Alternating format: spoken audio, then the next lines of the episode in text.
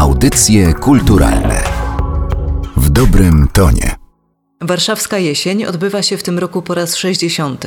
Z tej okazji Galeria Kordegarda przypomina plastyczną odsłonę tego festiwalu, czyli plakaty, które towarzyszyły poszczególnym jego edycjom. Co konkretnie możemy zobaczyć na wystawie? Możemy zobaczyć 28 plakatów zarchiwizowanych Związku Kompozytorów Polskich.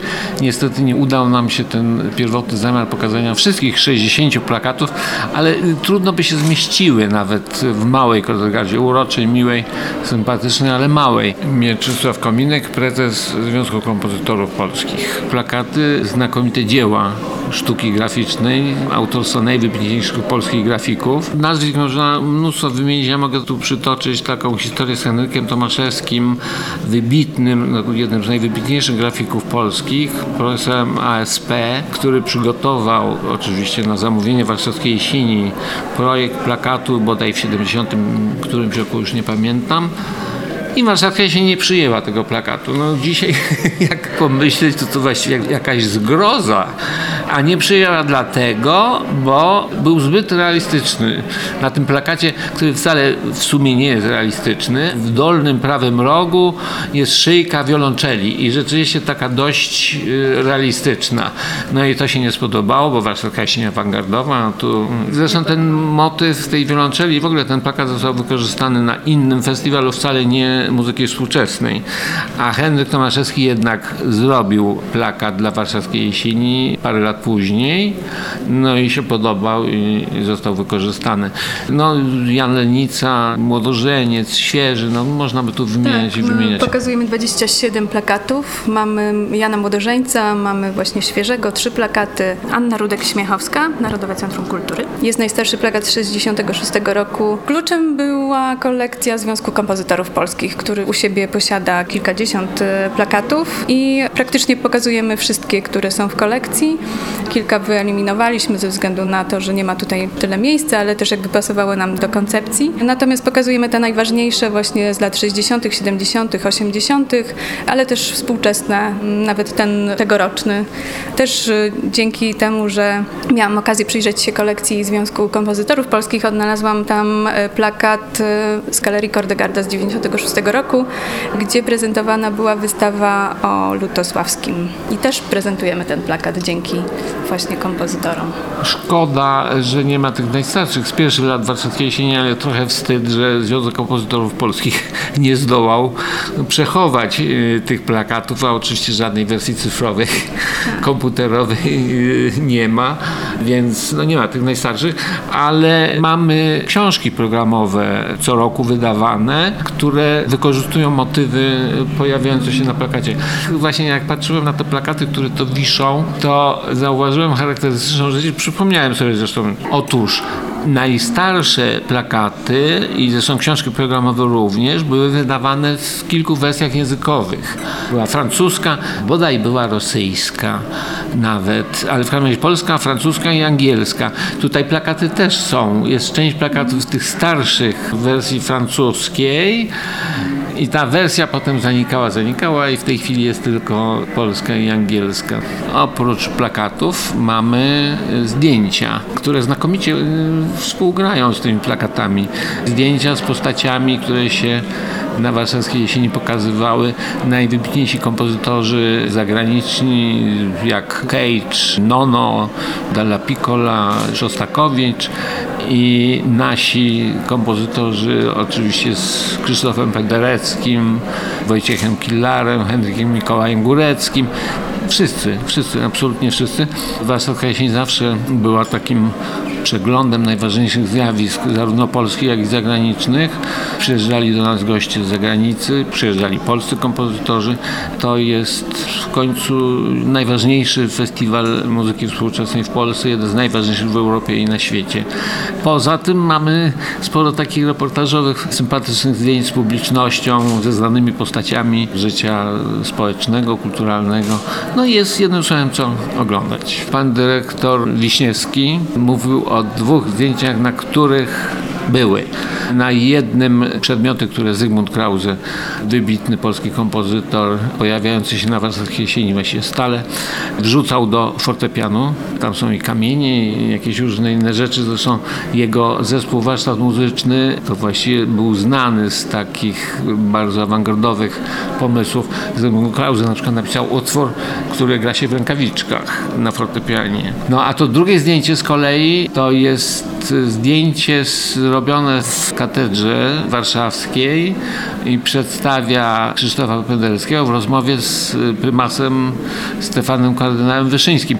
Ja byłem na tym koncercie, to były lata 70., już nie pamiętam dokładnie który rok i prymas miał takie fundamentalne, ostre wystąpienie, rodzaj, można powiedzieć, kazania nawet, które się bardzo nie podobało ówczesnym władzom, a przedstawiciele tych władz byli na warszawskiej jesieni, bo warszawską jesień y, nawiedzali przedstawiciele rządu i partii bardzo regularnie, bywali ministrowie, bywali, no nie wiem, czy pierwszy sekretarz był na warszawskiej jesieni, ale mieliśmy królowę na warszawskiej jesieni. Była królowa Szwecji, królowa Zofia hiszpańska i ważne osobistości państwowe, rządowe.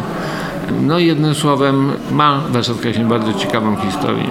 Była taka śpiewaczka amerykańska bardzo w swoim czasie znana, Katy Berberian. I pamiętam taką sytuację na koncercie w Akademii Muzycznej, gdzie jednym z elementów utworu było robienie sałatki jakieś takie owocowe, jarzynowe i muzycy częstowali publiczność właśnie tą zrobioną w trakcie koncertu sałatką. Albo zupełnie inna sytuacja, utwór Helmuta Lachenmana był wykonywany. Helmut Lachenmann już wtedy był sławnym kompozytorem, no dzisiaj to jest jeden w ogóle z najważniejszych kompozytorów, współczesny niemiecki kompozytor, którego muzyka charakteryzuje się tym, że grana jest bardzo cicho. Czasami to jest tak, że w ogóle nic nie słychać. I tak było też na jesieni po dłuższym czasie, kiedy tam muzycy wykonywali jakieś ruchy, a tak nie bardzo było wiadomo, co grają, widownia się zaczęła niecierpliwić. Ktoś tam jakiś numerek rzucił od szatni, ktoś zaczął tupać, w końcu ludzie zaczęli klaskać. Wbiegł na estradę, chyba tak to było, kompozytor, który wtedy był i strasznie tam się oburzał. Wbiegł na estradę również y, Józef Patkowski, ówczesny prezes Związku Kompozytorów Polskich, sztorcując widowni, jak można się tak zachowywać, co to w ogóle jest. No w każdym razie zostało przerwane wykonanie tego utworu Lachenmana i rozpoczęto od początku. Ale muszę tu opowiedzieć o pewnym wydarzeniu w Wiedniu, na którym byłem sam osobiście, również dotyczącym Lachenmana. To wydarzeniem w Wiedniu jak gdyby usprawiedliwia trochę to, co się tu w Warszawie działo. Otóż byłem w Concert House, bardzo nobliwym miejscu w Wiedniu, na koncercie, na którym właśnie wykonywano Lachenmana. No i po jakimś czasie zaczęły się właśnie też tam jakieś ruchy takie, ktoś trzasnął krzesłem, fotelem, wychodził, coraz więcej tych ludzi wychodziło, a w końcu ktoś stał i zawołał Wirwole Musik, a nie Lachenmana. Takich historii chciałoby się wysłuchać więcej, a będą ku temu okazje.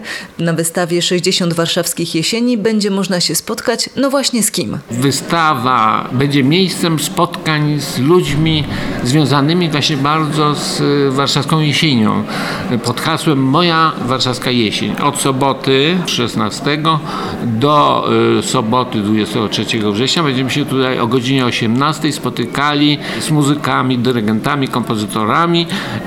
którzy na pewno opowiedzą mnóstwo ciekawych rzeczy. Zaczynamy od Jerzego Maksymiuka. No nie muszę tłumaczyć, że będzie to spotkanie absolutnie ciekawe, niekonwencjonalne i absolutnie rewelacyjne.